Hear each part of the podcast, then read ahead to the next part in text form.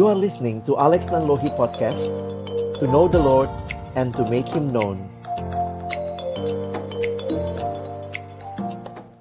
Bapak Surgawi kami bersyukur kesempatan ini Tuhan berikan bagi kami sebagai orang-orang yang akan mempersiapkan regenerasi di pelayanan di fakultas di kampus kami masing-masing di bagian pelayanan yang Tuhan percayakan kepada kami sungguh kami menyerahkan ke dalam tangan pimpinan kasih Tuhan kesempatan ketika kami akan belajar dari kebenaran firman-Mu ketika kami akan membuka firman-Mu bukalah juga hati kami jadikanlah hati kami seperti tanah yang baik supaya ketika benih firman Tuhan ditaburkan boleh sungguh-sungguh berakar, bertumbuh, dan juga berbuah nyata di dalam hidup kami.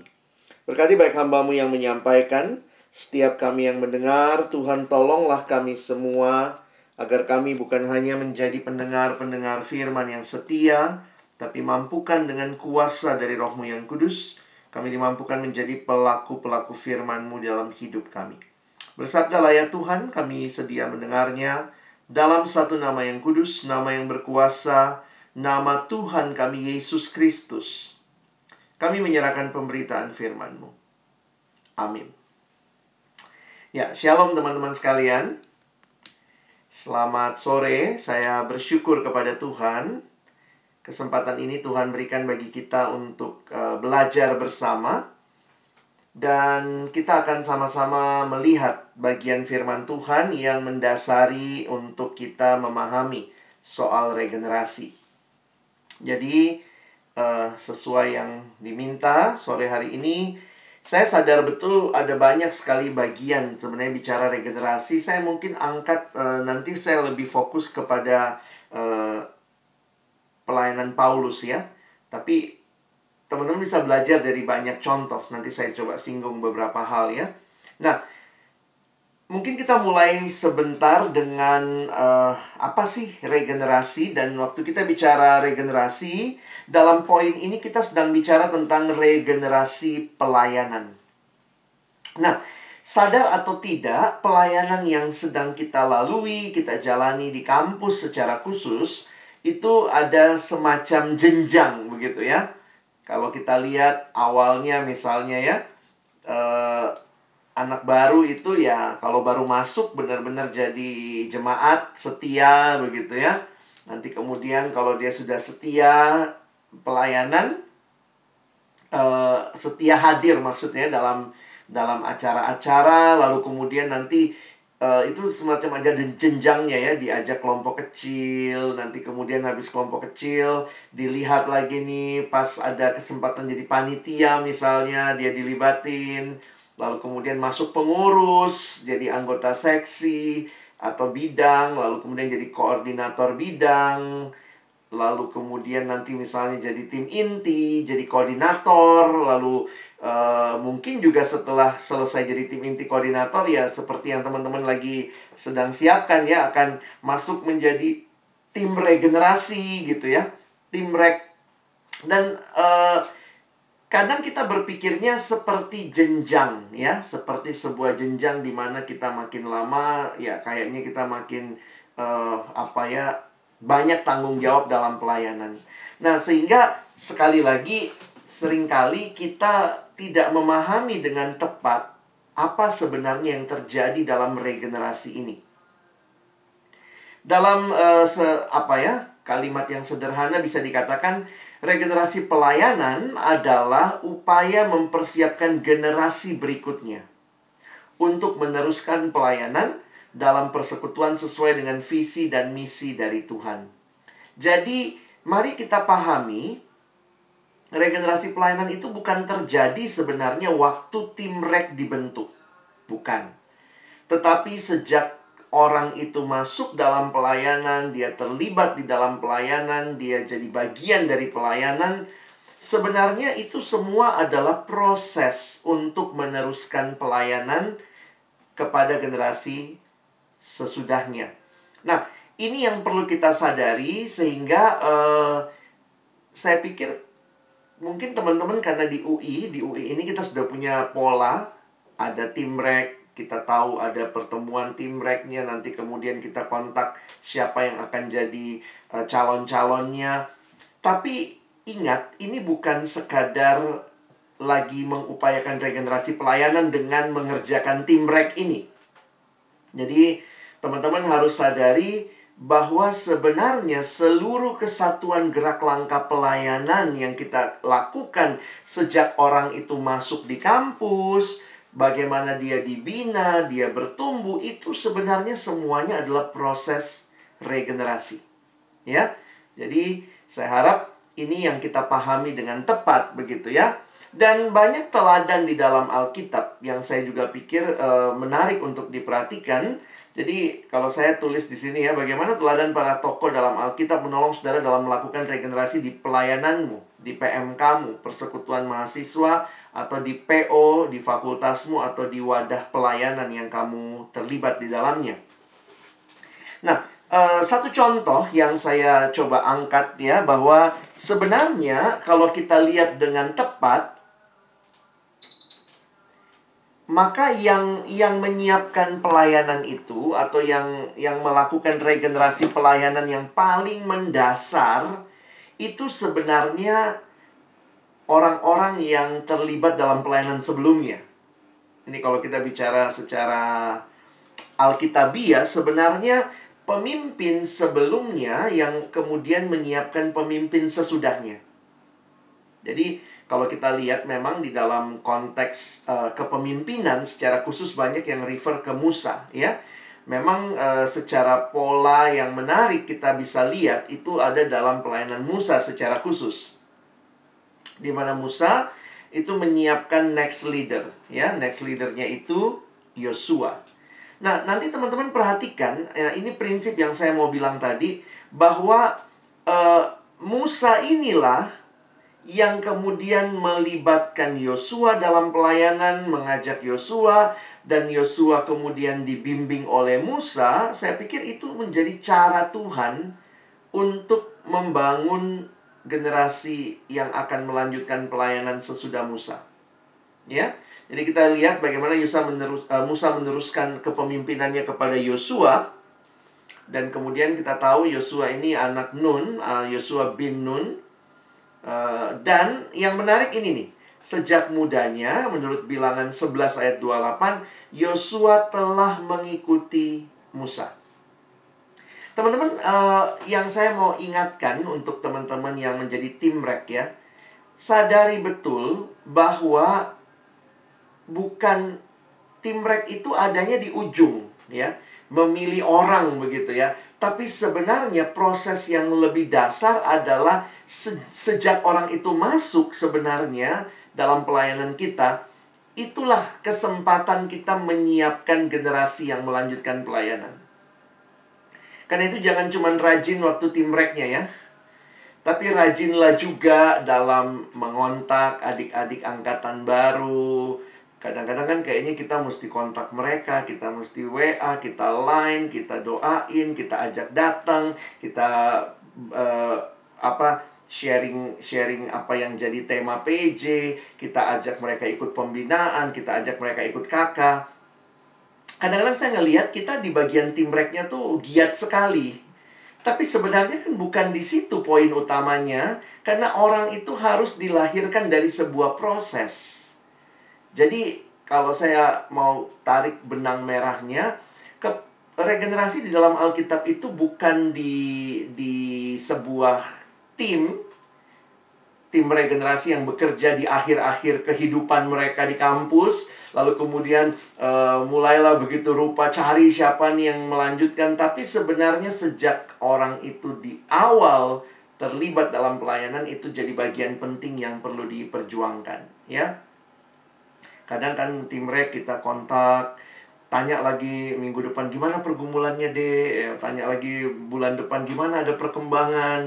Saya pikir sih harusnya kita lakukan itu kepada semua jemaat ya dalam rangka memang mereka lah orang-orang yang terus akan meneruskan pelayanan. Kalian nggak lama kan di kampus sesudah itu kalian akan lulus ada generasi baru dan kita nggak tahu siapa yang jadi pemimpinnya tapi sebenarnya semua orang punya punya kesempatan jadi pemimpin begitu Nah, tapi nanti kita perhatikan, bagi saya yang menarik adalah bagaimana Musa memang invest hidupnya dengan uh, orang seperti Yosua.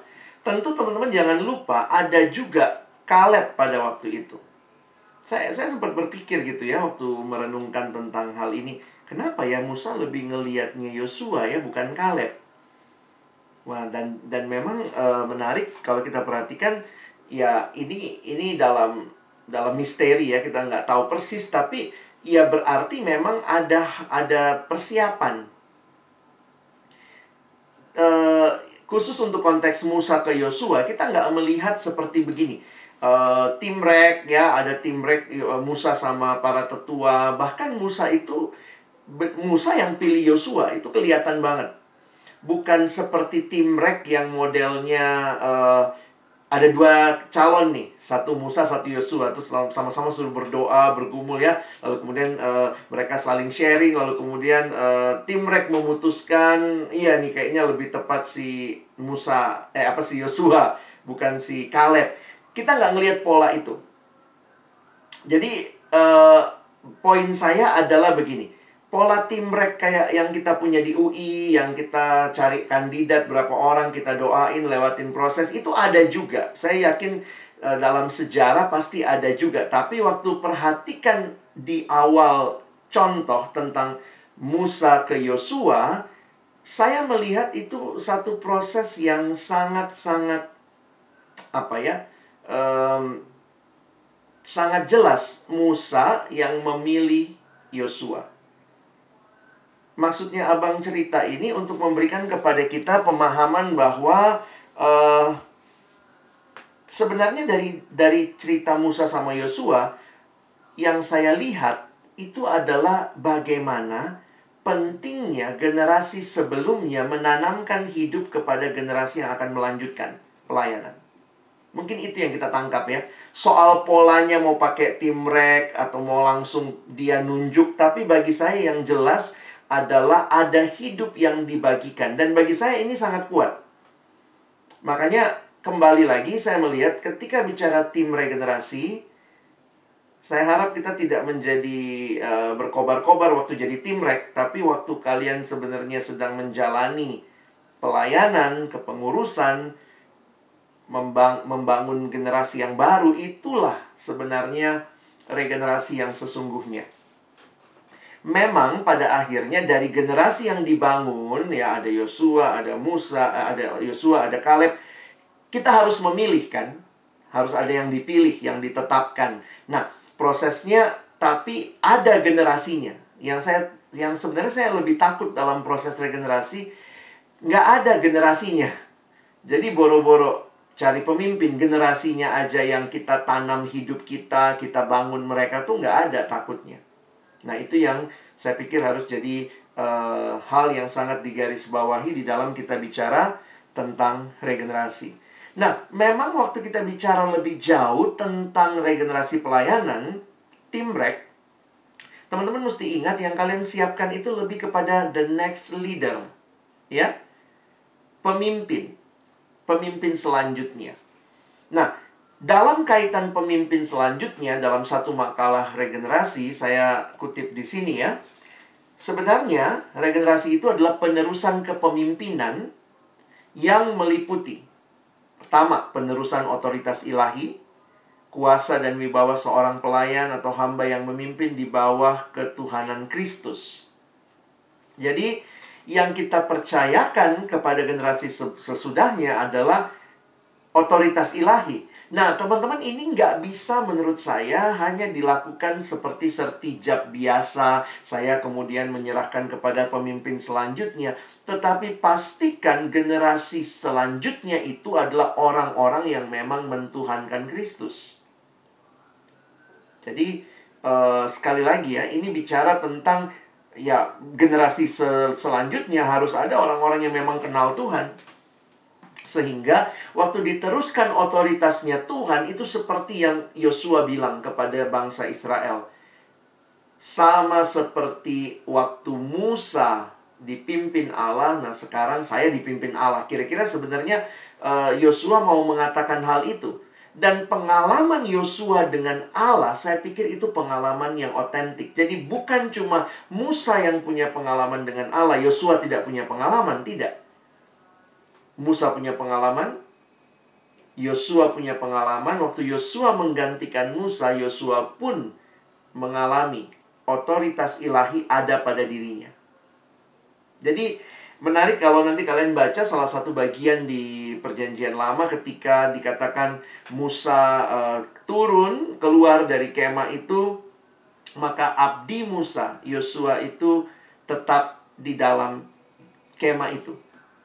Maksudnya dia di situ menikmati kemuliaan Allah. Kira-kira begitu cara kita menafsirkannya ya. Jadi sekali lagi penerusan otoritas ilahi bukan cuma ya kadang-kadang kan gitu ser, ser, serah terima ya kita kayaknya inilah yang melanjutkan saya tapi pastikan orang itu memang kenal Tuhan sehingga waktu dikatakan otoritas ilahi diteruskan dia sendiri ngalamin Tuhan yang memimpin dia sekarang sebagai pemimpin berikutnya. Lalu yang kedua penerusan hukum Tuhan. Tentunya Alkitab beberapa kali sertijab saya lihat ada yang penyerahan Alkitab ada yang pakai cuci kaki, basuh kaki, tapi sebenarnya kita tidak sedang membawa bagian yang baru, perintah yang baru. No, kita bicara meneruskan otoritas firman Tuhan, penerusan visi, beban, kerinduan, hasil atau apa yang mau dicapai melalui pelayanan ini, penerusan tugas pemberitaan Injil dan penerusan tugas penggembalaan. Nah, bagi saya sebenarnya uh, waktu lihat materi ini pertama kali iya ya, bahwa yang namanya regenerasi itu bukan sekadar masalah organisasi pelayanan. Tapi ini bicara tentang Allah yang akan kembali melanjutkan kepemimpinan kepada generasi yang baru. Karena sebenarnya gini ya, dalam pelayanan itu generasi selalu berganti. Apalagi kalau di mahasiswa jelas banget ya tiga tahun empat tahun sekali ganti generasi atau ganti orang lah ya yang akan melanjutkan pelayanan. Nah Tuhan kan nggak berubah. Nah, bagaimana kita memastikan generasi sebelumnya memastikan bahwa yang akan meneruskan itu kenal Tuhan yang akan dia yang kepadanya dia akan lanjutkan pelayanan ini, Tuhan yang hukum-hukumnya harus mewarnai pelayanan ini, Tuhan yang memberikan visi, Tuhan yang memberikan tugas pemberitaan Injil. Jadi, kembali bagi saya ini penting untuk kita sama-sama pikirkan. Nah, prosesnya sering kali kita lihat uh, tulisan ini ya.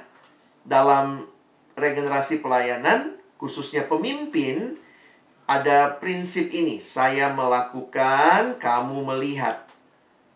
Saya melakukan, kamu bantu. Kamu melakukan, saya bantu.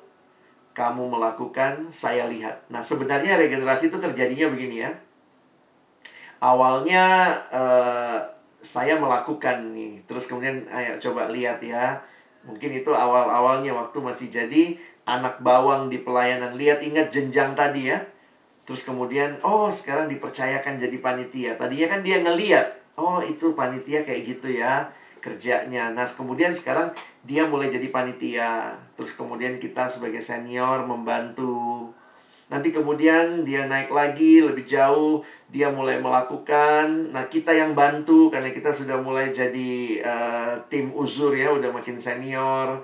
Lalu nanti akhirnya dia yang melakukan, kita melihat, maksudnya melihat kita mendoakan, mengencourage. Jadi ada proses mengalami, dilibatkan sampai diutus. Jadi bagaimana cara mengerti gambar di awal tadi yang adalah seperti jenjang naik tangga kayak karir rohani ya. Mulai dari jemaat lalu kemudian jadi panitia lalu jadi anggota seksi anggota bidang naik lagi jadi uh, ketua jadi tim inti. Nah itu bukan bicara tentang organisasi semata-mata. Itu adalah bicara tentang bagaimana supaya generasi ini boleh terus mengalami dan menikmati Allah yang hidup itu, Allah yang memimpin pelayanan itu. Nah, jadi saya berharap kita paham tentang hal ini ya. Saya pikir ini prinsip yang penting supaya kita sebagai tim rek juga jangan jangan jadi merasa yang kita lakukan adalah meneruskan organisasi semata. Makanya sekali lagi abang harus tegaskan proses regenerasi itu dari anak itu masuk kampus. Waktu kamu layani dia dengan baik, kamu bagi-bagi kelompok kecil dengan baik. Dan ini kesempatan di akhir kita memilih generasinya karena kita memang sudah lakukan bagian kita sejak awal. Sekarang tinggal menemukan mana Yosuanya. Ya, dari Yosua Kaleb ya, kita akan milih lah ya. Dan mungkin kita nggak model Musa yang nunjuk langsung tapi ada tim nih yang akan memilih. Tapi balik lagi keberhasilan tim ini tidak lepas dari apa yang sudah terjadi satu dua tiga atau empat tahun yang sudah kita lalui. Karena saya pikir juga tim regenerasi adalah orang-orang yang juga ikut di dalamnya ya. Nah sekarang saya mau masuk lebih uh, detail ke Paulus sebelum nanti kita juga bisa di akhir nanti tanya jawab ya tentunya ya. Bagi saya prinsip yang menarik dalam 2 Timotius yang sering kali dikutip adalah 2 Timotius 2 ayat 2 ya. Jadi ini prinsip multiplikasi biasanya disebut begitu. Bayangkan teman-teman di benak Paulus waktu dia bicara sama Timotius, ini orang yang pemikirannya luar biasa, visinya luar biasa. Ada empat generasi yang ada di dalam ayat yang singkat ini. Satu ayat bicara tentang empat generasi. Pertama Paulus. Apa yang engkau dengar daripadaku? Yang kedua engkaunya Timotius. Jadi Paulus bicara aku Kepadamu Timotius, kau sudah dengar daripada aku di depan banyak saksi. Percayakanlah itu Timotius kepada siapa? Kepada orang-orang yang dapat dipercaya. Lapis ketiga. Dan yang juga cakap mengajar. Empat. Lapis empat. Orang lain. Nah, saya, saya belajar banyak sih dari prinsip ini. Melihat tentang uh, generasi. Maksudnya gini loh teman-teman. Bayangkan Paulus itu hidupnya akan segera berakhir di kitab 2 Timotius. Beberapa penafsir mengatakan ini surat terakhir, tidak lama beberapa bulan setelah Paulus menulis, Paulus di uh, mati martir ya, dipenggal. Tapi waktu saya merenungkan 2 Timotius 2 ayat 2, Paulus tuh sadar betul dia telah memuridkan Timotius. Dia telah meneruskan pelayanannya kepada Timotius dan dia tahu bahwa Timotius juga sedang menginvestasikan hidupnya kepada orang yang dapat dipercaya. Yang dapat dipercaya juga itu sedang menginvestasikan hidup kepada orang lain. Jadi bayangkan ada sekian generasi yang ada yang di dalamnya menunjukkan buat kita ya ini regenerasi yang sesungguhnya.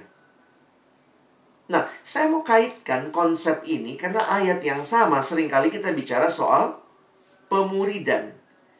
Jadi kalau teman-teman memperhatikan dengan seksama dan saya pikir ini legacy kita di PO ya, legacy kita di UI bahwa kita memastikan semua angkatan, semua generasi ada pemuridan. Ya. Penting sekali pemuridan.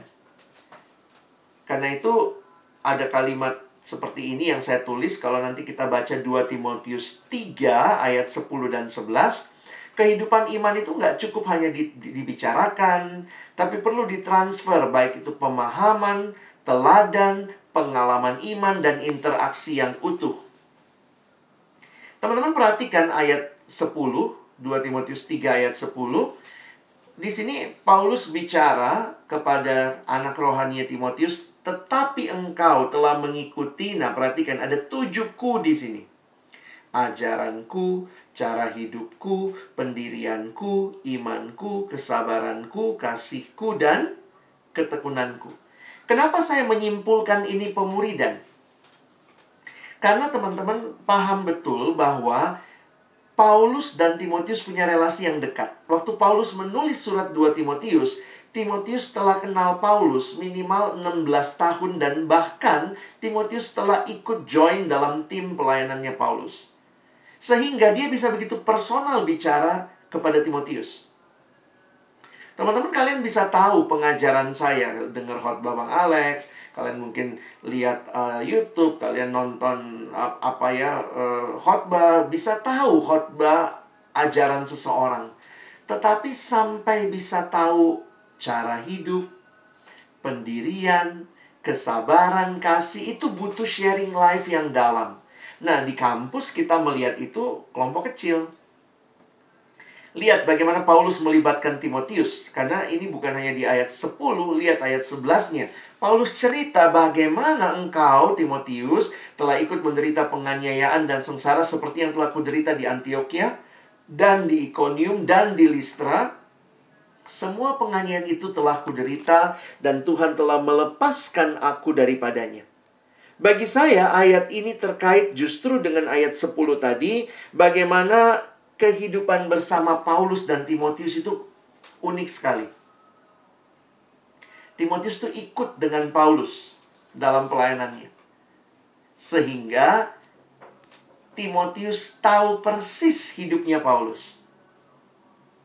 Nah, teman-teman bayangkan kalau pemahaman ini mewarnai 2 Timotius 2 ayat 2 apa yang telah engkau dengar daripadaku di depan banyak saksi, saya yakin itu bukan hanya bicara Paulus bilang gini sama Timotius, Timotius, teruskan ajaran.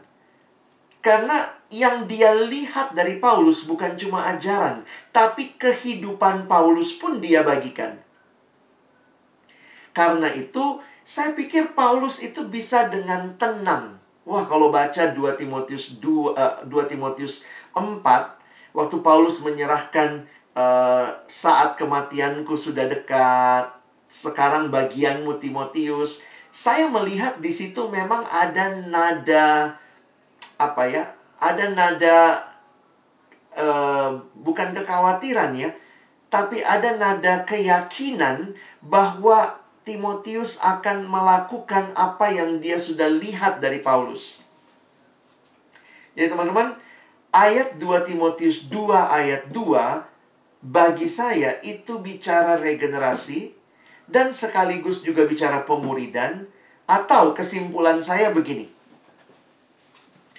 Untuk regenerasi yang baik terjadi yang paling utama pastikan ada murid yang memuridkan. Jadi ini yang penting sekali. Karena itu di beberapa kampus kalau dulu saya masih terlibat lebih aktif ya, dulu masih banyak waktu untuk uh, nolongin, ada kampus kita diskusi ya. Uh, begitu dia bilang susah, susah bang, susah cari pelayan, susah bang cari pengurus, susah bang cari panitia. Saya akan tanya, gimana pemuridanmu? Karena saya pikir kuncinya di situ balik lagi ya prinsip yang abang bilang tadi. Saya harap kalian mulai bisa uh, membuat puzzle-nya lebih lengkap.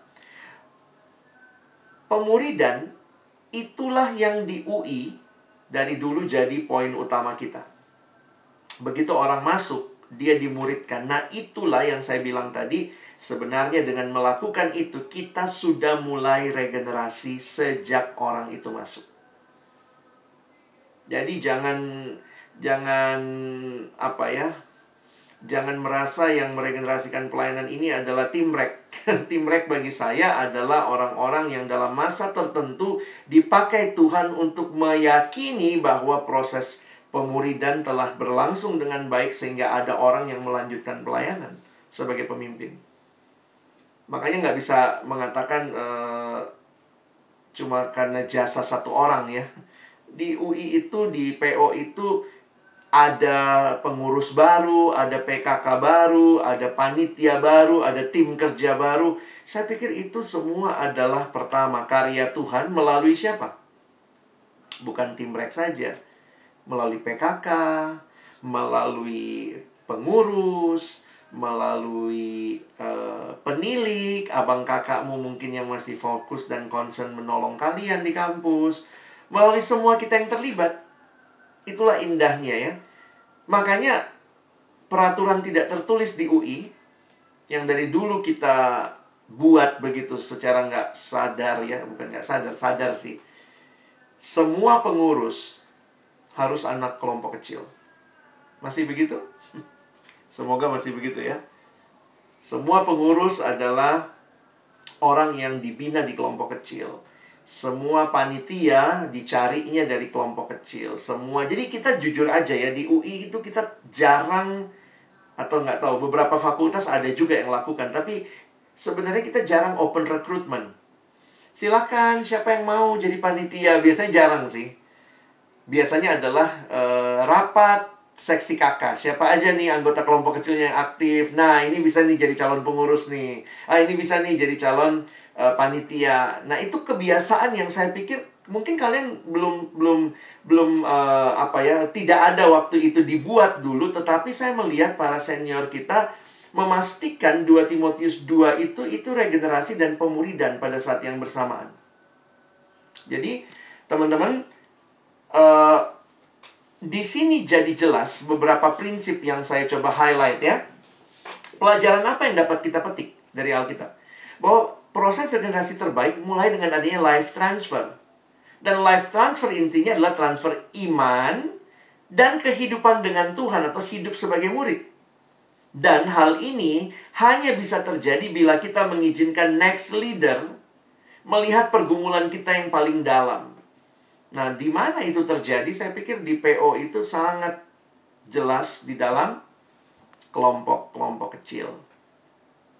Jadi, uh, di sinilah saya pikir uh, proses prinsip regenerasi yang Alkitab berikan di mana ada hidup yang dibagikan dari sebuah generasi yang rindu generasi berikutnya kembali mengalami apa yang dia telah alami.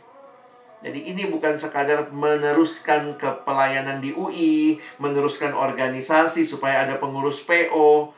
Saya pikir jauh lebih luas dari sekedar adanya organisasi. Nah, perhatikan, saya coba sekarang masuk kepada pelayanan Paulus. Kalau kalian perhatikan pelayanan Paulus ketika pelayanan misi pertama. Teman-teman nanti bisa cek di Alkitab itu mulai kira-kira uh, kisah Rasul 12 bagian akhir ketika mereka memilih atau Roh Kudus memilih uh, Saulus dan Barnabas. Mereka kemudian diutus, lalu mereka pelayanan itu. Nah, menarik sekali pelayanan itu mungkin kalau kita lihat tuh cuma dua lembar ya, Kisah Rasul 12, nanti ke-13, ke-14 di ayat di Alkitab kita tuh cuman kayak dua lembar ya. Mereka mulai diutus oleh gereja Antioquia. Kalian lihat sebelah kanan itu mulai dari situ ya pelayanannya. Bisa lihat itu ada uh, gereja Antioquia. Waktu itu ada dua Antioquia teman-teman ya ada Antioquia di Pisidia, ada Antioquia di Syria. Nah, yang kanan itu di atas Yerusalem naik, itulah gereja yang mengutus Paulus. Jadi makanya kalau kalian perhatikan, Paulus di dalam pelayanannya bersama Barnabas diutus dari gereja Antioquia. Nanti di akhir pasal 14, Paulus kembali lagi ke mana? Ke Antioquia. Kenapa? Karena memang itu gereja yang mengutus ya. Nah, menarik sekali untuk memperhatikan itu pelayanan Paulus. Bayangkan ya, dia dari Antioquia, dia nyebrang ke Siprus. Lalu dari Siprus dia masuk nanti tiba di uh, di Perga, di Atalia, dia pelayanan ke Galatia, Pamfilia, dia ke Listra, Iconium, Derbe. Nah, yang tadi Paulus bilang kan engkau telah ikut penderitaanku Timotius ya. Nah, Timotius ini yang kemudian dalam perjalanan misi kedua Paulus akhirnya diajak. Kemungkinan Timotius dari Listra ya. Nah, apa yang menarik, ada catatan yang menarik. Kalau kita perhatikan ini kayaknya ah cepet ya kalau kayak kita sekarang dari sini jalan ke sini. Tapi jangan lupa teman-teman, waktu itu kan nggak ada Air Asia ya, nggak ada penerbangan, nggak ada transportasi yang lancar pelayanan Paulus yang ditulis di kisah Rasul 13 sampai kisah Rasul 14 itu berlangsung selama dua tahun. Perjalanan misi Paulus pertama mulai dari Antioquia keliling-keliling-keliling sampai balik lagi ke Antioquia diperkirakan selama dua tahun. Apa yang Paulus lakukan? teman-teman nanti kalian trace back ya kita nggak punya waktu uh, melihat tapi nanti kalian trace back bahwa Paulus mulai dari Antioquia dia pergi ke Siprus, lalu dia naik nanti ke Pamfilia, ke Antioquia di Pisidia, dia ke Iconium, dia ke Listra, dia ke Derbe. Nah, setelah dia lalui semua itu, hampir dua tahun itu, Paulus kan mau pulang. Nah, lihat perjalanan pulangnya. Nah, kalau kalian besarkan yang saya tulis di sini atau besarkan petanya, kalian lihat dalam perjalanan pulang, Paulus mampir lagi. Makanya itu dibikin titik-titik. Lihat itu. Jadi kan Paulus datang tuh. Itu yang pertama uh, ikuti yang panah tebal. Dan sesudah nanti dia dari Derbe, dia balik lagi tuh. Dia lewat lagi ke Listra, dia lewat lagi ke Iconium. Jadi perhatikan, beberapa daerah dalam pelayanan misi Paulus itu dikunjungi dua kali. Pertama, waktu Paulus datang pelayanan di situ. Lalu kemudian waktu pulang, sebelum pulang, Paulus kunjungi lagi jemaat-jemaat yang sudah dia bentuk. Nah, perhatikan, dalam perjalanan pulang, apa yang dia lakukan? Waktu dia visiting again the same city atau the same town. Itulah yang ditulis di kisah Rasul 14 ayat 23 di tiap-tiap jemaat rasul-rasul itu menetapkan penatua-penatua bagi jemaat itu dan setelah berdoa dan berpuasa mereka menyerahkan penatua-penatua itu kepada Tuhan yang adalah sumber kepercayaan mereka. Teman-teman, waktu saya lihat ayat ini, bagi saya menarik ya. Paulus waktu dia pelayanan banyak yang bertobat tentunya di kota-kota itu, tapi kemudian waktu dia pulang lagi, dia kemudian mengangkat penatua-penatua. Nah, ini yang kadang-kadang kita nggak perhatikan. Apa tujuannya penatua diangkat? Bukan supaya ada gereja di situ yang punya badan hukum yang jelas, punya organisasi, siapa pemimpinnya, siapa yang dipimpin. Bukan itu. Bukan itu semata-mata. Perhatikan kalimatnya. Menetapkan penatua-penatua bagi jemaat itu. Saya mengutip seorang penafsir yang mengatakan di setiap kota Paulus merasa penting mengangkat the next leader atau the new leader atau the leaders untuk supaya kehidupan iman jemaat tetap dibangun. Wah, ini prinsip regenerasi yang penting. Kenapa perlu ada pemimpin berikutnya? Bukan supaya PO eksis, bukan supaya nanti kalau BEM nanya siapa ketua PO, ada nih ketuanya. Tapi semua leaders yang teman-teman dan saya perjuangkan, atau kalian jadi tim rek untuk lakukan segala macam mencari the next leader, itu demi jemaat bisa mengalami kehidupan iman yang terus bertumbuh. Saya nggak tahu kalau kita perhatikan berarti ya tim reknya itu Paulus sama Barnabas ya. Apa yang mereka lakukan? Berdoa dan berpuasa, ya. Jadi dalam kerinduan supaya ada next leader buat jemaat, mereka berdoa, mereka berpuasa, mereka tanya sama Tuhan. Dan ditulis di sini, mereka menyerahkan penatua-penatua itu kepada Tuhan yang adalah sumber kepercayaan mereka. Wah, ini renungkan coba ayat ini ya.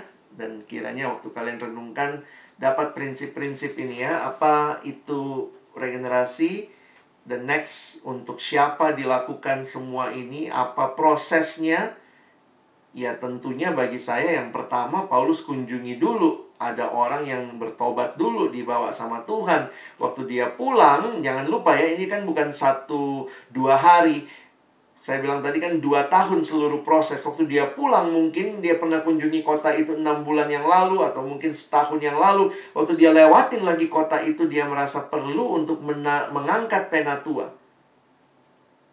Dan prosesnya berdoa dan berpuasa. Loh, terus bang, apa kriterianya? Masa main angkat aja gitu ya? Nah, saya pikir di surat yang lain kita belajar tentang uh, siapa sih yang pantas, yang tepat. Di sini pun kita jadi sadar walaupun berdoa dan berpuasa tentunya bukan meniadakan kriteria. Tentu tidak ada orang yang sempurna. tapi paling tidak ada standar, ada kriteria yang ditetapkan menolong akhirnya orang-orang yang tepat menduduki jabatan yang tepat. Nah, saya kaitkan kata penatua dengan konteks kita dalam kepengurusan di PO. Karena bagi saya walaupun namanya tentu penatua itu sebenarnya kan kayaknya uh, tinggi sekali begitu ya. Kayak di gereja, kayak majelis, tapi sebenarnya kan tugasnya sama. Apa tugasnya penatua? Untuk melayani jemaat. Nah, nanti kalian bisa perhatikan ada beberapa istilah yang dipakai. Nah, ini para komentator atau para penafsir Alkitab mencoba menggali kenapa ada istilah penatua, lalu nanti ada lagi istilah diaken. Ada yang mengatakan sebenarnya ini istilah yang sama dari dua sumber yang berbeda. Penatua lebih berdasarkan uh, sistem keagamaan Yahudi, sementara diaken lebih ber, uh, lebih bersifat um, budaya Yunani. Yang satu Jews, yang satu Greek, tapi sebenarnya sama aja. Jadi ada yang mengatakan kenapa dikatakan sama? Karena tugasnya sama-sama untuk jemaat. Nanti agak kelihatan dengan jelas di 1 Timotius 3. Nanti kita akan baca kalau kita baca sekilas ini tugasnya eh, apa apa bedanya karena kriterianya sama penatua dan diaken dan itu perikopnya nyambung. Nah, sehingga dalam tafsirannya John Stott mengatakan perbedaannya nampaknya karena ada yang lebih memilih istilah penatua, ada yang lebih memilih istilah diaken. Jemaat-jemaat yang lebih dekat sama Yahudi nampaknya memilih istilah penatua. Jemaat-jemaat yang lebih dekat dengan kebudayaan Yunani lebih memilih istilah diaken. Tapi fungsinya nampaknya sama. Sekali lagi, orang-orang yang diangkat jadi leader dalam jemaat bukan buat kepentingan organisasi, bukan untuk kepentingan diri mereka sendiri, tapi untuk kepentingan jemaat. Nah, saya mau masuk secara cepat melihat kepada beberapa prinsip yang penting untuk kita lihat kriteria ya. Nah, kita bisa mendapatkan dalam dua surat utama, biasanya satu Timotius yang sering kali dikutip dan juga Titus. Nah, kita lihat sebentar satu Timotius ya. Satu Timotius pasal yang ketiga ayat 1 sampai 7. Nah, coba teman-teman perhatikan. Nah, ini Abang kasih gambarannya lihat ayat 1 sampai 7. Di dalam Alkitab kita, bentar saya cek dulu ya. 1 Timotius pasal yang ketiga itu ditulis syarat-syarat bagi penilik jemaat atau penatua. Nanti di ayat 8 itu lagi syarat-syarat bagi diaken. Jadi sebenarnya unik juga ya. Satu untuk penatua, satu untuk diaken. Tapi sekali lagi nanti kalau kalian lihat isinya mirip begitu ya.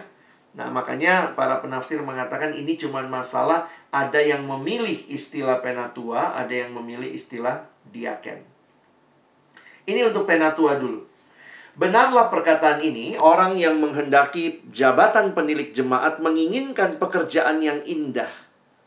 Karena itu, penilik jemaat haruslah seorang yang tak bercacat, Suami dari satu istri dapat menahan diri, bijaksana, sopan, suka memberi tumpangan, cakap mengajar orang, bukan peminum, bukan pemarah, melainkan peramah, pendamai, bukan hamba uang, seorang kepala keluarga yang baik, disegani dan dihormati oleh anak-anaknya. Jikalau se seorang, seorang tidak tahu mengepalai keluarganya sendiri, bagaimanakah ia dapat mengurus jemaat Allah? Nah, ini logika yang dikasih ya. Janganlah ia seorang yang baru bertobat agar jangan ia menjadi sombong dan kena hukuman iblis. Hendaklah ia juga mempunyai nama baik di luar jemaat agar jangan ia digugat orang dan jatuh ke dalam jerat iblis. Nah, teman-teman lihat ya, ini adalah seperti list kriteria ya bahwa tidak sembarangan juga ngangkat orang begitu mentang-mentang uh, kita banyak orang lalu kemudian siapa saja bisa jadi Enggak. Tapi ingat prinsipnya tadi yang abang bilang bahwa ternyata ini juga bukan menunjukkan list kesempurnaan. Karena tidak ada orang yang benar-benar sempurna, yang tidak lagi uh, bergumul dengan dosa.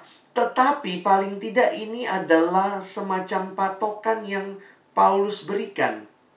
Ingat, waktu itu surat 1 Timotius dikirimkan oleh Paulus ke anak rohaninya Timotius yang dia tempatkan di gereja Efesus untuk memimpin jemaat di situ. Jadi boleh kita katakan Paulus dan Timotius itu tim reknya kepemimpinan gereja Efesus. Lalu Paulus kirim surat. Nah, suratnya ini nih. Mungkin kira-kira kalau ini dalam diskusi ya, kalau waktu itu ada Skype atau ada Google Meet, ada Zoom, Paulus sum-suman sama Timotius. Timotius kan uh, tim rek yang di lokasi ya Terus Paulus uh, mungkin Timotius tanya, "Paulus gimana nih? Ini banyak banget orang di sini, gimana memilihnya yang bagaimana?" Terus Paulus bilang, "Ini nih, kira-kira kriterianya ini."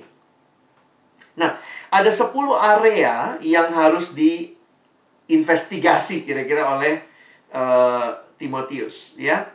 Nah, ini menarik teman-teman untuk perhatikan uh, 10 area ini yang kita bisa lihat dari ayat 1 sampai ayat yang ketujuh itu yang pertama, kesetiaannya di dalam pernikahan.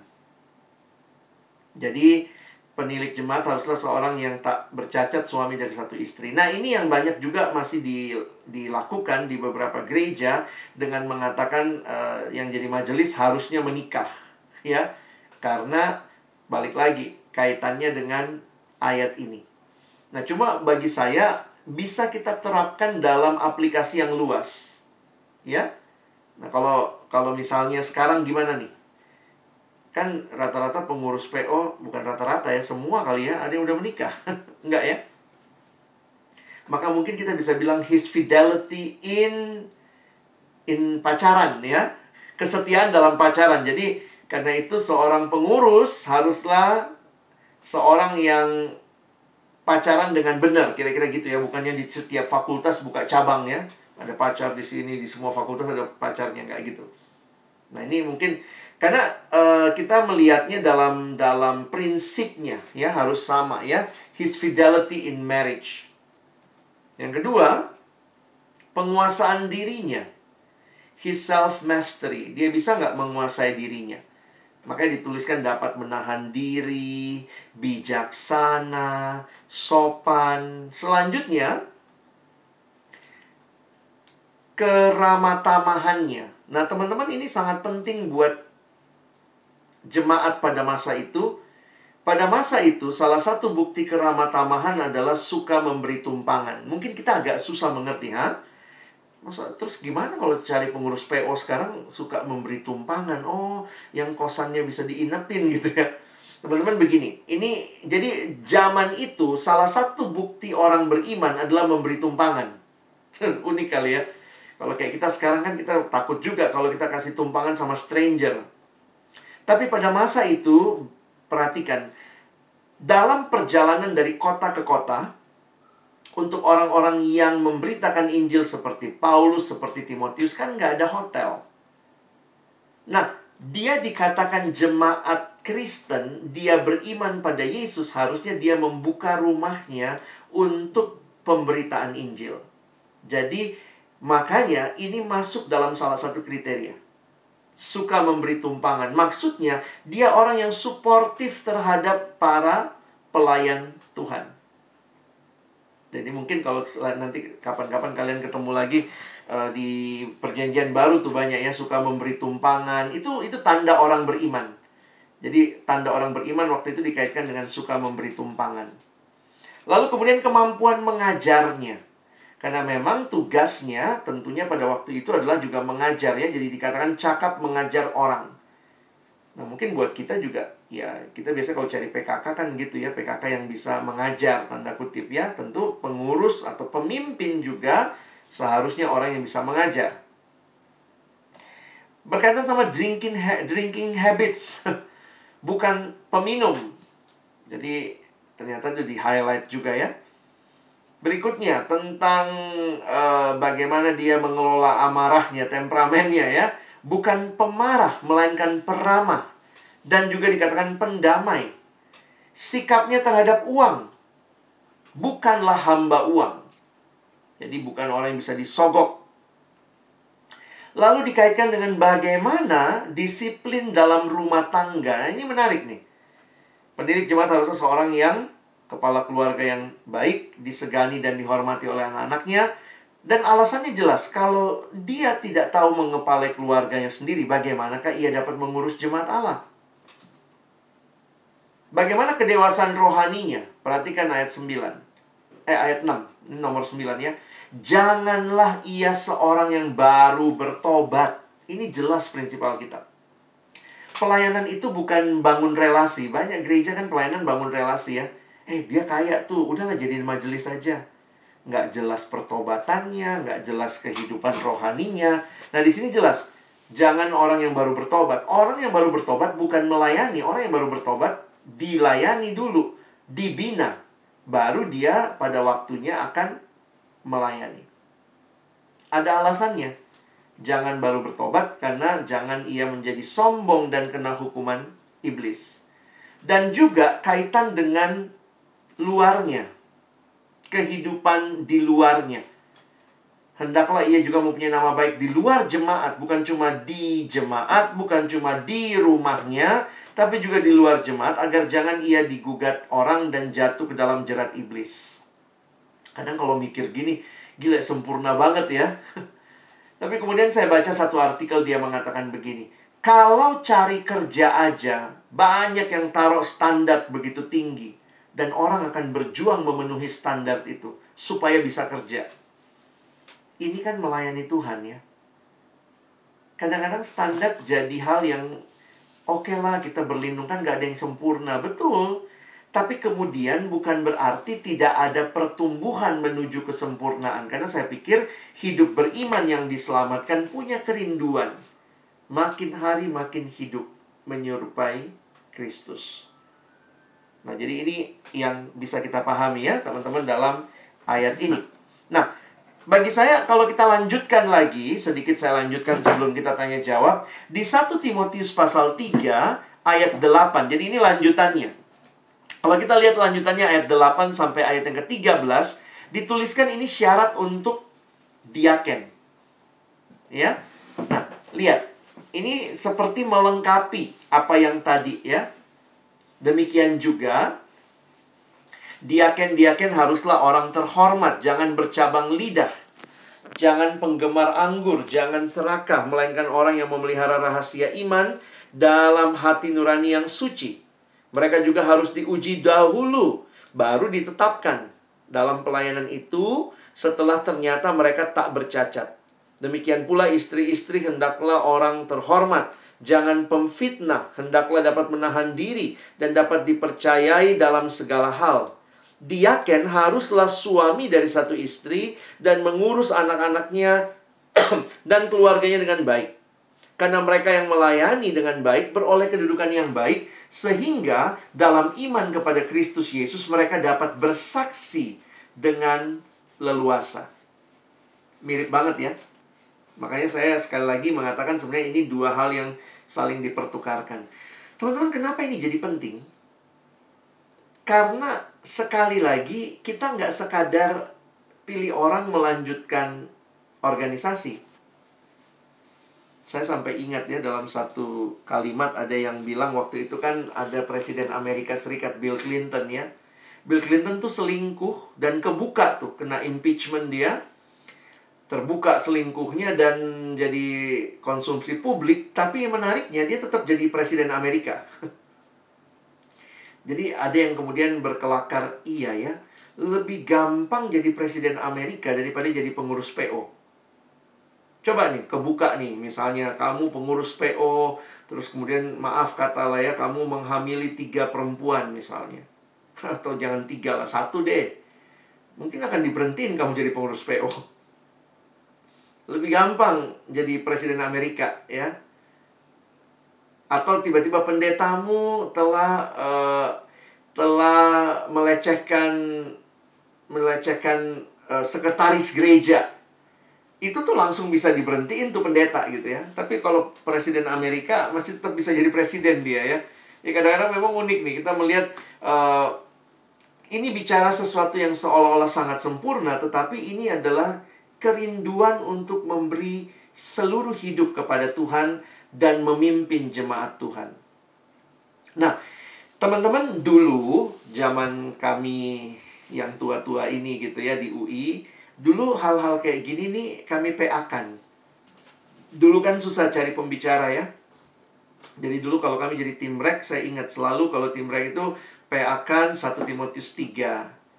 Jadi akhirnya apa yang mungkin kalian terima sekarang itu sebenarnya beberapa lahir dari PA kami terhadap ayat-ayat ini.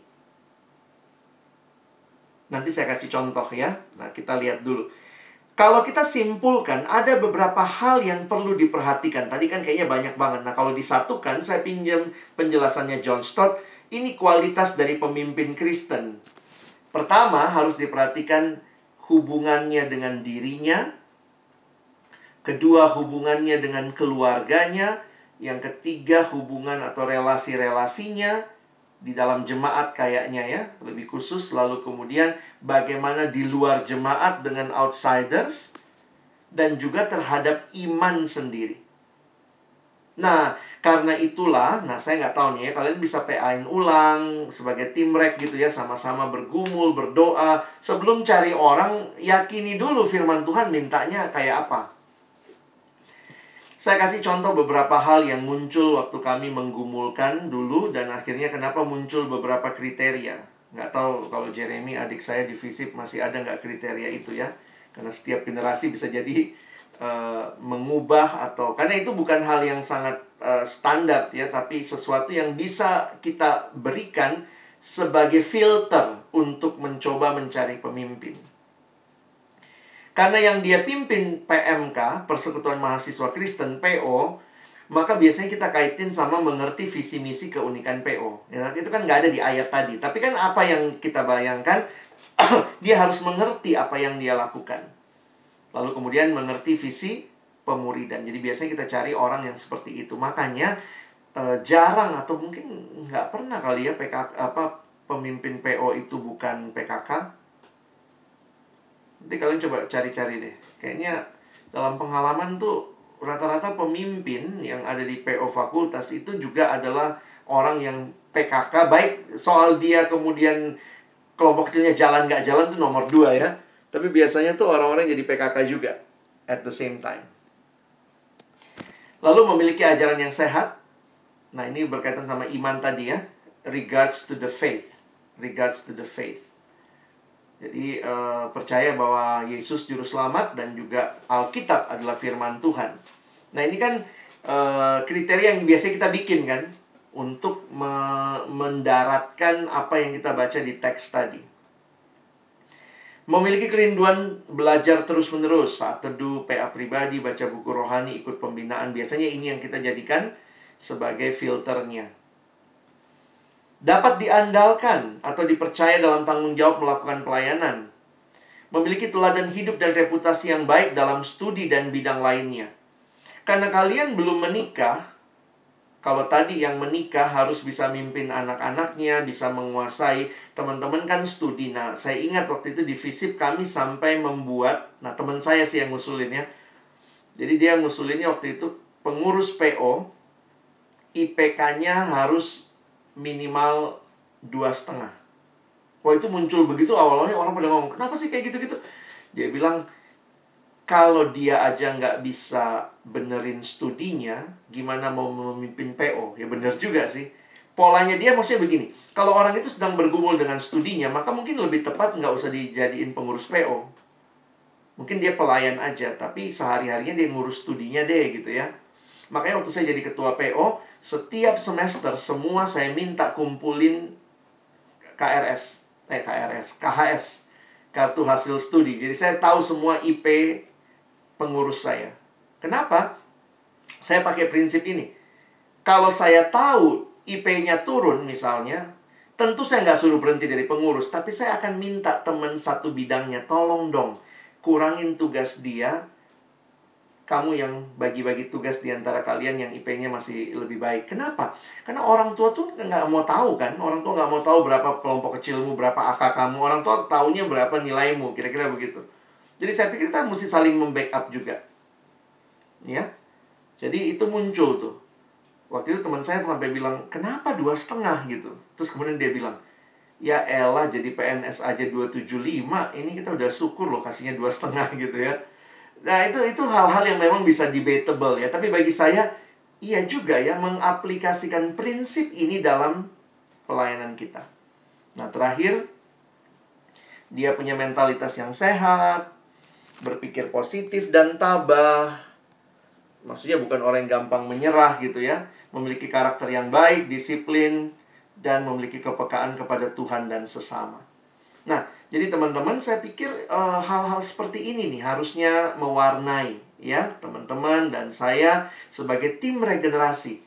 Waktu kita berdoa, tadi Paulus ya berdoa, berpuasa, pasti ada ritual lah yang kalian lakukan ya. Misalnya setiap hari apa kita doain dong siapa pemimpin berikutnya di PO kita. Tapi kriteria-kriteria ini bisa menjadi semacam filter ya, seperti yang kita pelajari dari apa yang Paulus sampaikan. Nah, kiranya ini menolong teman-teman dan waktu selanjutnya kita bisa tanya jawab. Amin.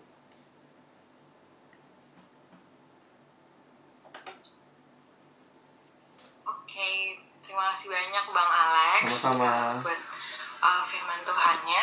Nah, sekarang kita masuk ke sesi tanya jawab. Mungkin tadi udah terbukakan banyak hal banget dan uh, sangat berharga banget ya teman-teman dan mungkin sepanjang teman-teman mendengarkan atau misalnya kemarin udah mulai proses uh, menggumulkan itu mungkin ada pertanyaan-pertanyaan yang belum terjawab di bagi teman-teman sendiri mungkin itu bisa ditanyakan sekarang. Kita bisa diskusi bareng-bareng dan mungkin uh, bisa lewat chat atau di open mic juga langsung bersuara juga silahkan adakah teman-teman yang ingin bertanya?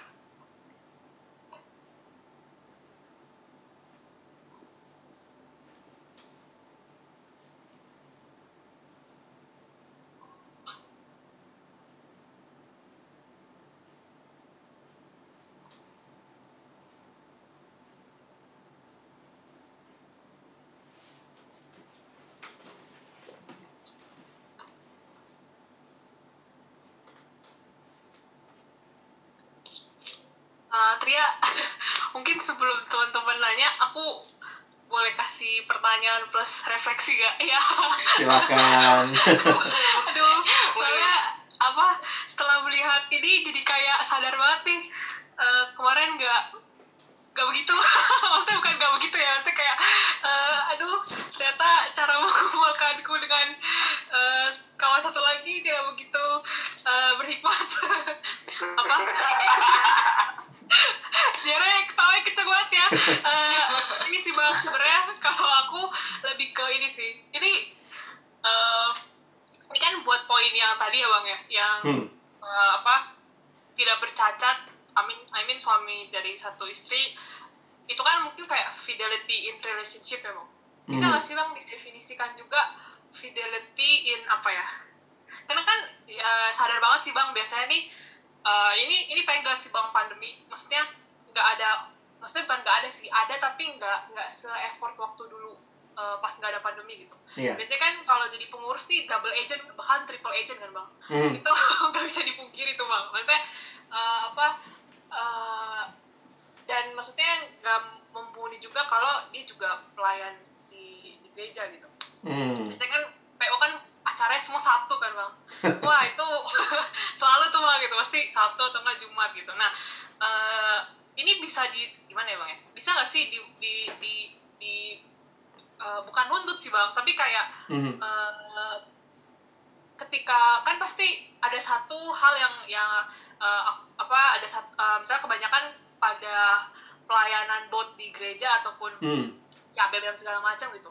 Kira-kira bang uh, apa orang yang berpotensial seperti ini ketika di-sharingkan gimana ya bang ya mengarahkannya oh. uh, supaya PO ya maksudnya ngerti kan bang supaya Iya, iya. gimana ya pengen sih ya di PO aja gitu Oke. Eh, apa caranya gimana ya bang kayak gitu Nah, ini menarik sih sebenarnya dari dulu kan selalu jadi diskusi. Kita kok mau orang yang sudah aktif di gereja dan segala macam. Saya pikir sih dalam pertumbuhan dan perkembangan orang itu kita perlu membukakan kepada dia prinsip pelayanan yang lebih luas. Kalau sudah masuk kepada memilih gereja atau PO, saya pikir itu sudah lebih nanti sifatnya dengan pilihan-pilihan etis. Ya, etis dalam arti begini, eh, tentulah ya kalau dia sudah jadi pengurus duluan di tempat lain ya jangan kita eh, ya dalam nama Yesus keluar dari situ ini lebih penting ya kan nggak etis itu itu masalah etikanya kita nggak punya tuh. Nah tapi di sisi yang lain saya pikir gini, mari sharingkan dan yakinkan orang itu. Beberapa kali saya lihat kita tanpa sadar kalau dia udah pelayanan kita pikir ya sudahlah dia udah pelayanan udahlah nggak usah di-sharingkan. Kalau saya malah kepikir yang sudah pelayanan tapi dia mungkin mau selesai di kepengurusan gerejanya atau apa, kita bisa yakinkan dia. Yakinkan dia misalnya ya kalau saya suka ajak orang berpikir saya bilang "Mm, kesempatan melayani di gereja itu seumur hidup. Di kampus itu kamu cuma hanya satu tahun ini. Kamu nggak akan jadi pengurus di di kampus ini tiga tahun empat tahun nggak.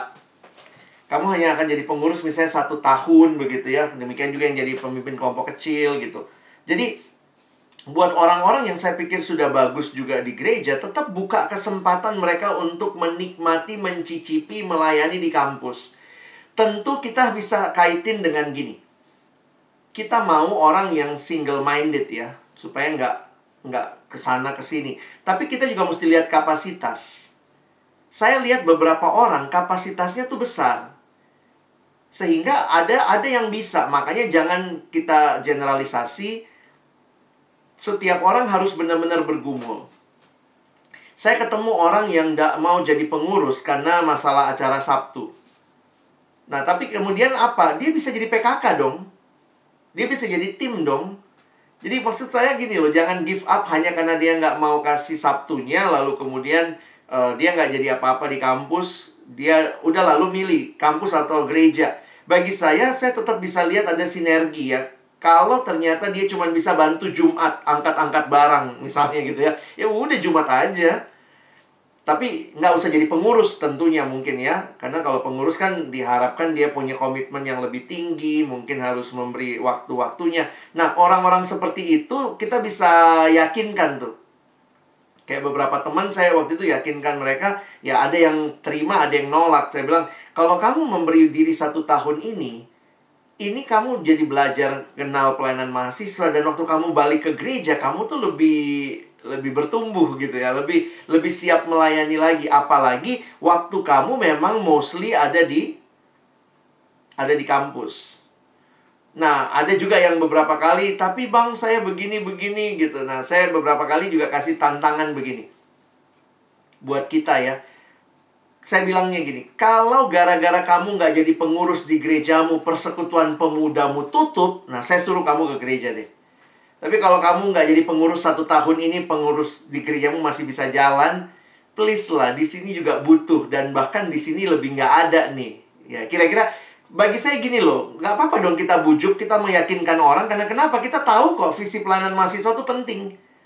Kamu tinggalin gerejamu satu tahun nggak masalah apa-apa kalau kamu kasih waktu di sini. Tapi belum tentu kamu bisa kasih waktu di sini lagi tahun depan. Kamu udah lulus gitu. Saya beberapa kali tuh ngeyakinin orang kayak gitu tuh ya ada yang terima, ada yang enggak. Nah, itu tergantung pergumulan dia dengan Tuhan. Nah, jadi teman-teman eh, coba gini, prinsip-prinsip itu harus kita berlakukan dengan pas, tapi jangan jadi hukum Taurat. Kalau dia nggak fokus di kampus, nggak pernah akan terlibat di kampus, jangan. Justru kita kasih kesempatan dia terlibat gitu ya. Mungkin beberapa kali juga eh, sebenarnya kalau kalian sadar ya, PO itu kita nggak bikin acara hari Minggu loh. Kalau sekarang mungkin banyak juga yang bikin hari Minggu ya. Hari Minggu paling retret lah sekali-sekali gitu ya. Tapi itu sebenarnya salah satu bentuk PO mendukung gereja. Jadi hari Minggu itu kita nggak nggak suruh orang ke mana-mana selain ke gereja kira-kira begitu. acara kita pun juga bukan Sabtu malam. Sabtu malam kan banyak kebaktian pemuda gereja, tapi acaranya misalnya Sabtu pagi gitu. Nah, itu saya pikir uh, jadi kesempatan untuk bisa melihat kita bukan saingan gereja tapi kita membina orang nanti yang nikmatin sampai akhir hidupnya gereja tuh. Mm -mm. Oke. Okay. Oke, Bang. Makasih banyak, Bang. Ya, deh. uh, apa? Uh, syukur sih bang di highlight soal melibatkan. Karena biasanya tuh bang ya jujur aja biasanya kalau udah ditolak tuh baper langsung. Udah iya iya iya. lagi. Kayak udah nih si ini tuh kayak gini gitu. Dan iya sih bang jadi jatuhnya sebenarnya berpotensial dan dia juga ujungnya jadi jadi bukan jadi mundur sih. Jadi kayak risih gitu sih bang. Jadi kayak hmm. bener juga sih pengurusnya juga jangan baper. Jangan baper ya guys besok besok kalau iya ya, orang nggak ya. mau nggak apa-apa juga emang. Iya. Tuhan yang punya pelayanan kok. Betul bisa dilibatkan ke hal-hal lain. Iya. oke, oke, makasih bang. Sama-sama. makasih bang Alex. Um, teman-teman ada lagi yang mau bertanya? Mungkin Jeremy tadi yang ketawa. Ayo, ayo Mas Tadi lupa matiin mic. Maaf, sorry. oh, bisa aja. Oh, bisa aja. Siapa tahu mau nanya aja. Enggak, enggak. Nanti yang lain dulu. Oh, siap, siap, siap. Ditunggu ya, Cer, kalau gitu, ya. Jeremy mau nyanyi.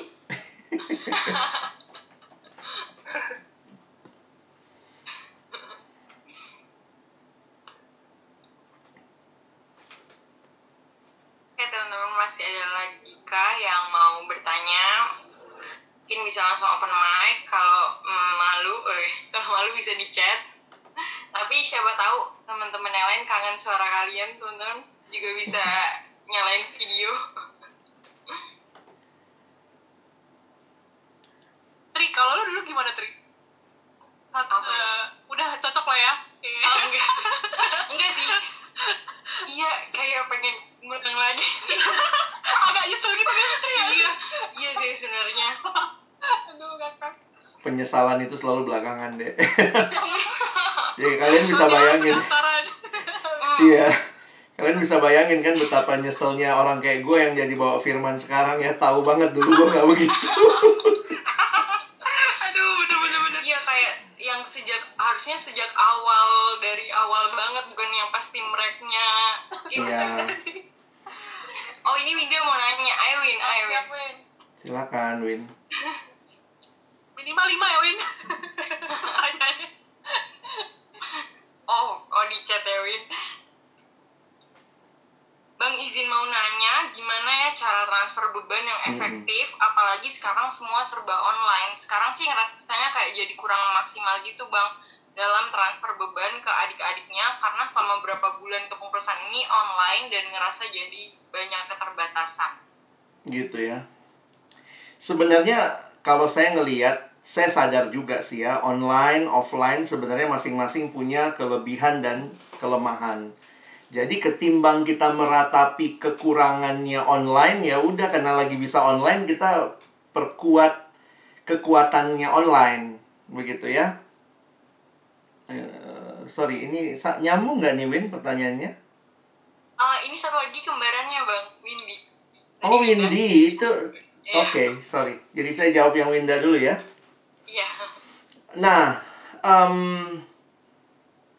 boleh nggak saya kasih cara pandang yang sedikit berbeda kali ya? Mungkin ini juga yang saya lihat. Uh, kadang-kadang prinsip kita melibatkan itu yang kita kita mungkin tidak ngeliatnya proporsional. Contoh, kita itu sangat terkotak-kotak dengan orang itu ya seperti tadi Sobel ngomong ya kita sangat terkotak-kotak misalnya ini pengurus nggak pengurus uh, jadi kita tuh sebenarnya miskin melibatkan karena konsep yang kita punya. Contoh begitu dia nggak mau kasih waktu ke kampus udahlah uh, pergilah dari hadapanku misalnya ya. Ini hanya untuk orang-orang yang full heart di kampus.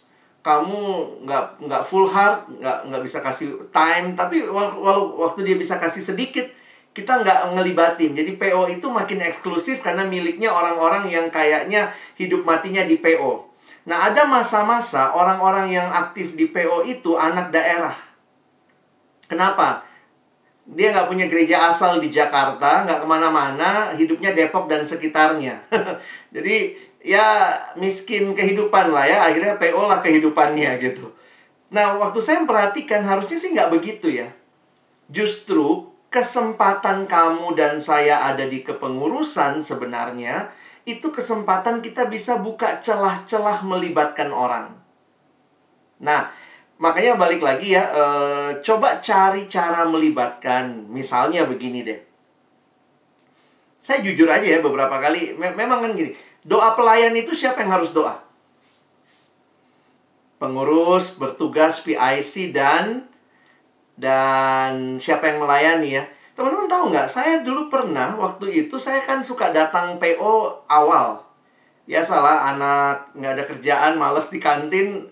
Jadi PO mulai jam setengah 12 saya datang duluan gitu. Saya datang jam 11 sudah datang bantu-bantu kakak-kakak pengurus. Terus saya diajak doa pelayan loh. Itu di itu dilibatkan loh. Saya bukan siapa-siapa saya anak kecil anak bawang yang cuma datang PO kecepetan saya dilibatin. Sekali saya pernah disuruh temenin pembicara saya dikenalin sama kakak PO eh sini sini ini abang pembicara ya kakak beresin bangku Alex temenin abang ini ya. Itu cara melibatkan. Jadi melibatkan itu bukan karena itu job desk tapi jadi saya ngalamin tuh. Waktu dilibatin begitu itu kesannya dalam ternyata buat saya Iya ya, saya nggak bukan siapa-siapa, tapi dilibatin. Akhirnya saya jadi ikut berdoa untuk acara PJ. Di situlah saya jadi tahu, oh gitulah kalau doa. Kita doain siapa yang tugas. Kita gimana? E, mungkin nggak ya? Ini PJ besok nih ya. Beberapa kampus PJ besok. Mau nggak malam ini kontak satu dua anak 2020 sharingin pokok doa untuk besok? Dek, yuk mau nggak berdoa bersama? Itu kan prinsip melibatkan. Jangan tunggu orang sudah muak sama PO, sudah males. Tapi dari awal saya pikir sebenarnya bisa kan kita kontak, Hai dek, apa kabar? Ada yang mau didoain nggak? Uh, mungkin anak baru kan seneng ditanya gitu. Terus kemudian setelah itu titip, Dek, ikut ya, nanti doain ya besok di PJ temanya ini, kakak ini jadi MC, ini nanti doain ya. Nanti sesudah itu, sesudah PJ-nya, kamu bisa tanya sama dia, Dek, apa yang Tuhan jawab doamu buat PJ kita tadi ya? Kan udah berlangsung nih. Jadi sebenarnya banyak cara melibatkan. Kadang-kadang kita punya pikiran tuh melibatkan itu cuman kalau dia mau jadi pengurus, kita rajin kontak dia, kita lihat ekspresi wajahnya, kalau wawancara kita tahu dia lagi bohong atau enggak. Saya selalu akhirnya ngelihat kita tuh ngelibatin orang tuh kayak memang ngamatinnya di sisi terakhirnya. Tapi dari awal sebenarnya kita bukan orang yang hatinya luas untuk melibatkan orang lain gitu. Jadi cobalah banyak hal-hal ya. Saya ngalamin juga ya dalam masa pandemi ini. Teman-teman tahu nggak saya terkesan sama doa ya. Jadi satu waktu ada yang uh, doain uh, kirim-kirim ini tanya, "Bang Alex, apa yang bisa didoain?" gitu. Ada satu adik pelayanan lah. Bang Alex apa yang bisa didoain? Terus kemudian saya kirim lah. Ya, ya ini ya doain ini ini ini. Teman-teman tahu tiba-tiba balasannya adalah voice notes dong. Voice note dia dia doa. Baik Bang Alex mari kita berdoa. Dan waktu saya dapat voice note itu saya terharu dan terkesan gitu ya. Kadang-kadang kita suka nanya orang uh, mau didoain apa? Terus habis itu kita bilang apa? Oke okay, ya nanti aku doain. Dan banyak kali kita nggak doain. Jujur deh entah lupa, entah ketimbun, tapi at at the same time aku nyaman karena pada waktu di, aku bilang aku doain dia, I'm I'm being a nice person to her, to him atau her.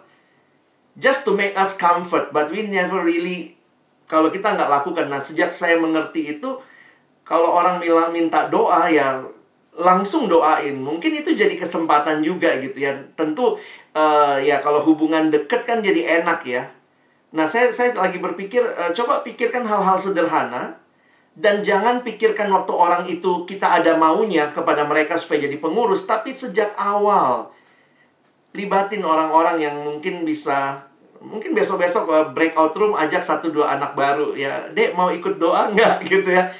Saya nggak tahu deh itu cara-cara berpikir yang uh, saya kasih cara pandang yang berbeda lah untuk melibatkannya. Thank you. Makasih Bang Alex. Sama-sama.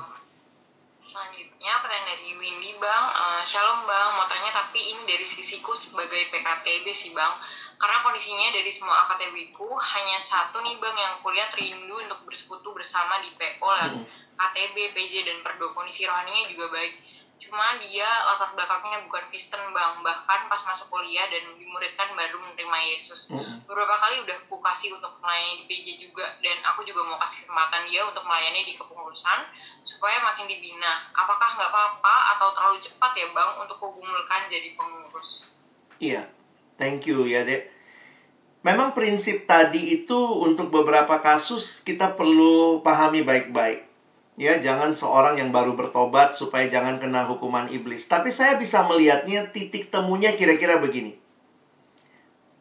Waktu dia melayani, kalau bisa dia tetap KTB. Jadi eh, mungkin komitmen dia tetap di KTB kan itu akan menolong dia juga untuk tetap bertumbuh. Jadi jangan lihat baru bertobatnya, tapi lihatlah bahwa dia orang bertobat yang mau terus bertumbuh. Jadi saya pikir itu kesempatan juga menjaga dia. Tapi kalau bisa jangan cuma dijaga lewat pelayanan, tetap misalnya KTB kalian, kalaupun nanti eh, Winda sudah eh, Windy ya, Windy udah lulus gitu atau sudah susah ke kampus ya, kan online sekarang jadi bisa ya. Itu jadi kesempatan. Nah, em, Nah ini balik lagi ya, pernah juga pengalaman sih sebenarnya di satu ini pengalaman melibatkan orang juga. Memang kadang PO ini kan tinggi banget ininya ya, tinggi kriteria kita gitu. Tapi waktu bicara tinggi kriteria susah juga dapat orang begitu. Jadi pernah di beberapa kesempatan ada yang bergumul, bang ini gimana nih dia dia anaknya masih masih belum terlalu matang tapi kita butuh orang nih Nah, untuk kondisi-kondisi kayak begitu, saya katakan maka penting sekali siapa yang memuridkan dia sambil dia tetap melayani, ada yang memuridkan. Saya pikir itu itu solusinya. Ketimbang kita juga misalnya memang nggak ada pengurus sama sekali. Jadi titik temunya itu bukan mengkompromikan, karena jangan melihat orang itu dari kriteria saat ini sekarang nih aduh dia masih bolong bang saat teduhnya. Udah nggak jadi pengurus. Tapi waktu dia jadi pengurus nanti bisa jadi kan itu kesempatan saat teduhnya. Jadi jangan ngelihat dia dari kriteria saat ini.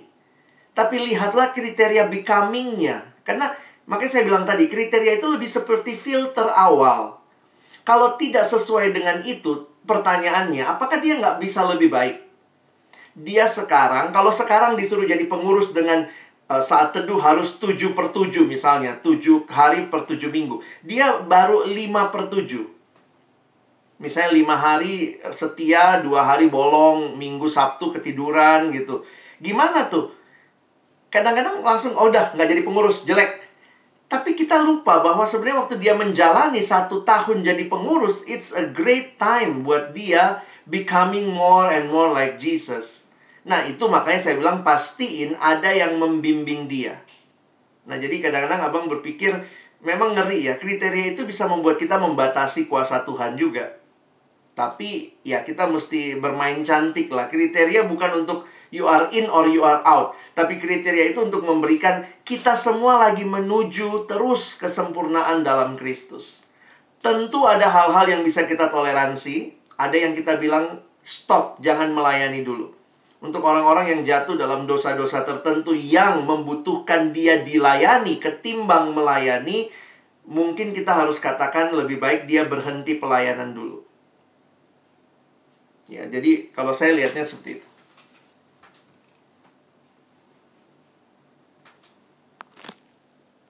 Oke, thank you banget. Sama-sama. Winda dan Windy?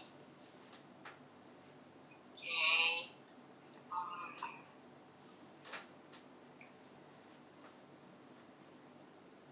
Adakah eh, teman-teman yang masih mau bertanya?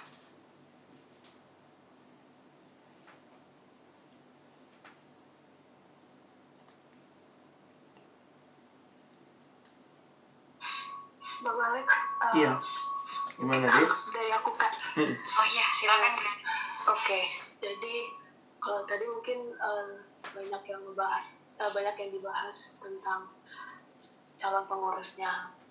Kalau saat ini aku ingin bertanya ke calon eh, tim intinya. Hmm. Jadi eh, berarti yang orang-orang yang sudah menjalankan kepengurusan selama satu tahun dua semester, kira-kira untuk eh, apa ya semacam eh, hal-hal yang perlu kami perhatikan apakah eh, semacam bagaimana mereka di bidang tersebut maksudnya eh, apakah apa apa saja sih yang perlu dilihat Eh, perlukah eh,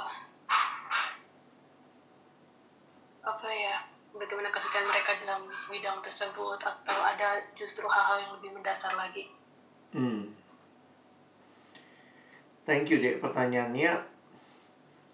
Saya pikir sih dalam dalam bicara tentang pemimpin pasti kita berharapkan kualitas-kualitas yang terbaik ada pada mereka.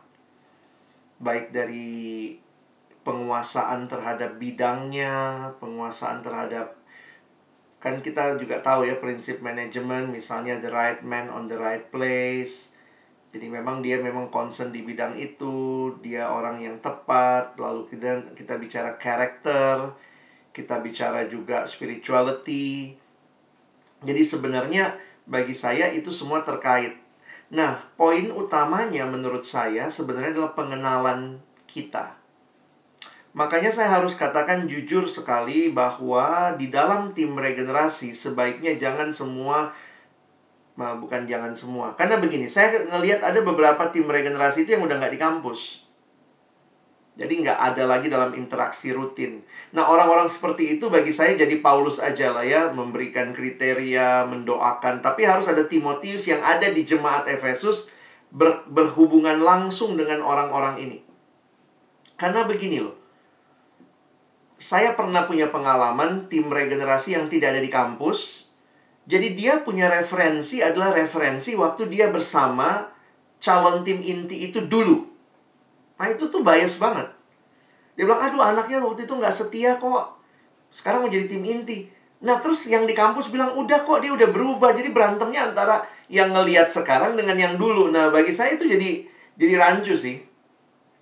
Makanya saya pikir tim regenerasi silahkan mau digabung ada alumni, ada orang-orang. Tapi waktu menentukan saya pikir pengenalan akan jadi penting. Beberapa orang melakukan wawancara untuk pengenalan, tapi bagi saya eh, bukan cuma wawancara, sebenarnya pendampingan pribadi, ikut berdoa bersama gitu ya. Itu jadi kesempatan untuk kita melihat dia seperti apa dalam pertumbuhannya dan akhirnya kita melihat bukan dia memenuhi kriteria itu atau tidak, tapi dia sedang terus bergumul, berjuang supaya memenuhi kriteria itu atau tidak gitu. Jadi bukan karena dia udah memenuhi kriteria makanya dipilih gitu ya, bukan bukan itu. Karena jujur aja lah sama diri kita. Ada nggak kita yang waktu pelayanan dulu bener-bener motivasinya sudah murni? Kadang-kadang kita sekarang gitu, iya nih, anaknya motivasinya kurang murni nih. Eh, kalau kamu di zaman dulu mungkin lebih nggak murni lagi gitu ya. Tapi lihat, kenapa kamu sekarang bisa lebih murni? Karena kamu menjalaninya, prosesnya dalam Tuhannya, kamu dibentuk, pembinaan-pembinaan yang Tuhan berikan. Jadi akhirnya saya selalu melihat ya, kalau bicara Petrus, Petrus tuh nggak layak sebenarnya jadi pemimpin. Iya nggak sih? Tapi ada buku yang saya baca, dia mengatakan, Yesus bukan melihat kriteria yang ada pada Petrus, karena dia nggak memenuhi kriteria. Tapi yang Yesus lihat, siapa Petrus, uh, susah bahasa Indonesia-nya ya, bahasa Inggrisnya karena becoming. It's more important who Peter will become. Dia dia dia dia menjadi menjadi orang yang kayak apa itu lebih penting buat Yesus daripada dia sekarang orang yang kayak apa. Kadang-kadang kita mencari atau kita menetapkan kriteria dari sekarang dia kayak apa. Tapi kita lupa bahwa di dalam anugerah Tuhan orang yang sekarang kayak apa kalau dia terus dibimbing. Makanya saya bilang tadi, terus ada yang mentor, dalam kepengurusan terus ada komunitas yang baik, maka who he will become becomingnya akan jadi jadi penting karena itu juga cara Tuhan membentuk setiap kita termasuk lewat pelayanan ini. Jadi saya bisa bersaksi bahwa pelayanan ini menolong saya yang tadinya masuk dengan tujuan cuma mau coba-coba, mau experience, cuman seneng aja sibuk gitu ya. Kemudian jadi punya hati, bisa doain orang lain, bisa menangis untuk kebutuhan orang lain, bisa bergumul tentang hal itu. Dan itu yang itu Tuhan bentuk. Itu bukan Alex sebelum pelayanan. Makanya kalau kalau pakai kriteria itu di awal sebenarnya saya nggak masuk tuh. Tapi karena saya pikir anugerah Tuhan luar biasa, who who I'm becoming is more important than who am I, who was I at that time. Mungkin itu kali ya. Ya bang, thank you bang. Thank you Grace buat pertanyaannya. Oke, mungkin karena uh, terkait waktu juga, mungkin uh, pertanyaan Grace tadi, uh, pertanyaan terakhir dan uh, Bang Alex bisa langsung menutup aja Bang pembinaan Oke. uh, hari ini.